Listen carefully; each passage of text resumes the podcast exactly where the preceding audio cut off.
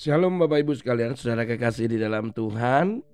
Kita akan membaca firman Tuhan di dalam Amsal pasal 31 ayat yang ke-10. Istri yang cakap, siapakah akan mendapatkannya? Ia lebih berharga daripada permata. Saudara kekasih dalam Tuhan, beberapa ayat setelah ini 11, 12 dan seterusnya memang akan membicarakan masalah istri atau pasangan hidup.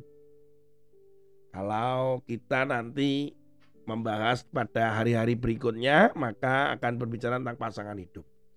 Yang belum punya pasangan hidup, ya ini menjadi modal begitu. Tetapi yang sudah menikah, kita akan kembali merenungkan istri kita masing-masing.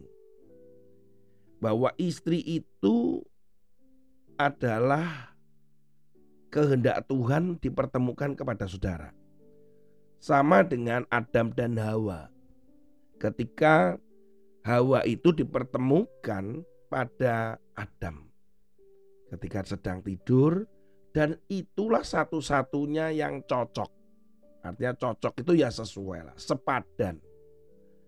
Karena firman Tuhan katakan bahwa pasangan yang sepadan.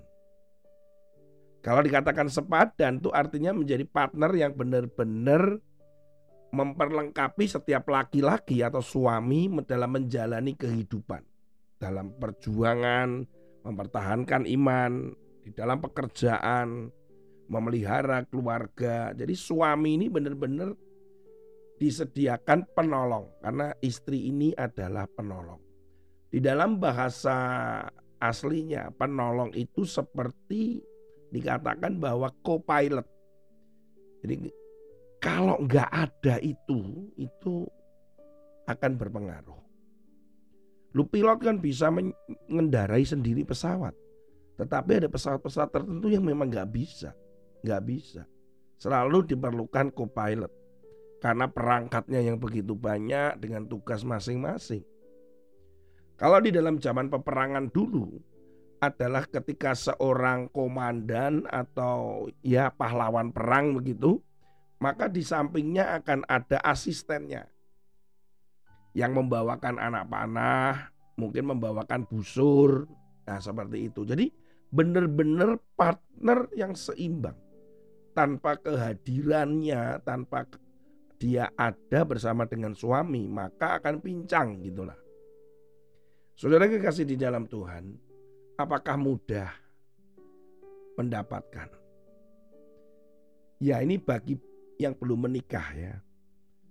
Pertemuan-pertemuan saudara yang dengan calon istri misalkan, di mana saudara ketemunya atau bertemunya? Jangan-jangan saudara sedang bertemu sementara sedang clubbing. clubbing ya. Nah, ini yang ya menjadi awal tapi bukan berarti ini menjadi indikator. Wah ini pasti ini. Kalau ketemunya itu nggak di gereja ketemunya nggak waktu pelayanan itu bukan dari Tuhan. Ya tidak tidak begitu. Sekali lagi nggak begitu. Saya percaya bahwa bertemunya saudara di mana saja tetap kalau itu dari kehendak Tuhan maka itulah yang terbaik Jangan menggunakan standar dunia bahwa istri yang seperti permata itu tadi adalah istri yang secara fisik itu benar-benar apa ya glamor gitu ya glamor. Uh, glowing. Glowing. Artinya oh cantik wajahnya parasnya rambutnya fisiknya gitu. Yang saya menemukan beberapa Eh, pendapat-pendapat di artikel ya bahwa istri harus glowing, istri harus ini begini begitu. Tapi kan itu bukan hal yang penting, bukan hal yang utama. Dunia selalu katakan fisik itu menjadi hal yang utama. Tetapi marilah kita fokus itu kepada hati. Karena dari dalam hatilah terpancar kehidupan. Bagaimana uh, seorang istri itu benar-benar menjadi penolong. Apa yang kita pelajari hari ini? Satu, apabila saudara adalah perempuan atau istri, Jadilah penolong yang siap sedia, takut akan Tuhan, selalu mengandalkan Tuhan. Menolong suami bukan secara fisik, tetapi menolong topangan secara emosi, secara spiritual. Secara fisik ya ada lah. Ya ada beberapa hal yang nanti kita akan pelajari setelah hari ini.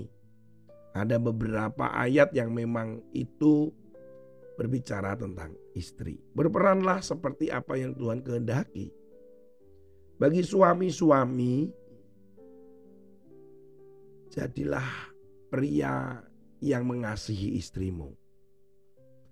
Tuhan sudah sediakan, Tuhan sudah, siapa pun, kapan pun, yang penting hari ini jangan ada penyesalan. Lo tahu begitu saya nggak menikah dengan dia Pak Tony? Nggak ada.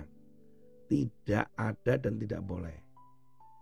Apa yang memang ketika ada kekurangan itu yang diperbaiki bersama-sama. Bersinergi. Tidak ada kata perceraian. Tidak ada kata berpisah. Tidak ada kata menyesal. Karena hari ini sudah ada saudara dengan istri saudara. Yang ada adalah pemulihan, perdamaian, pengampunan. Pemulihan,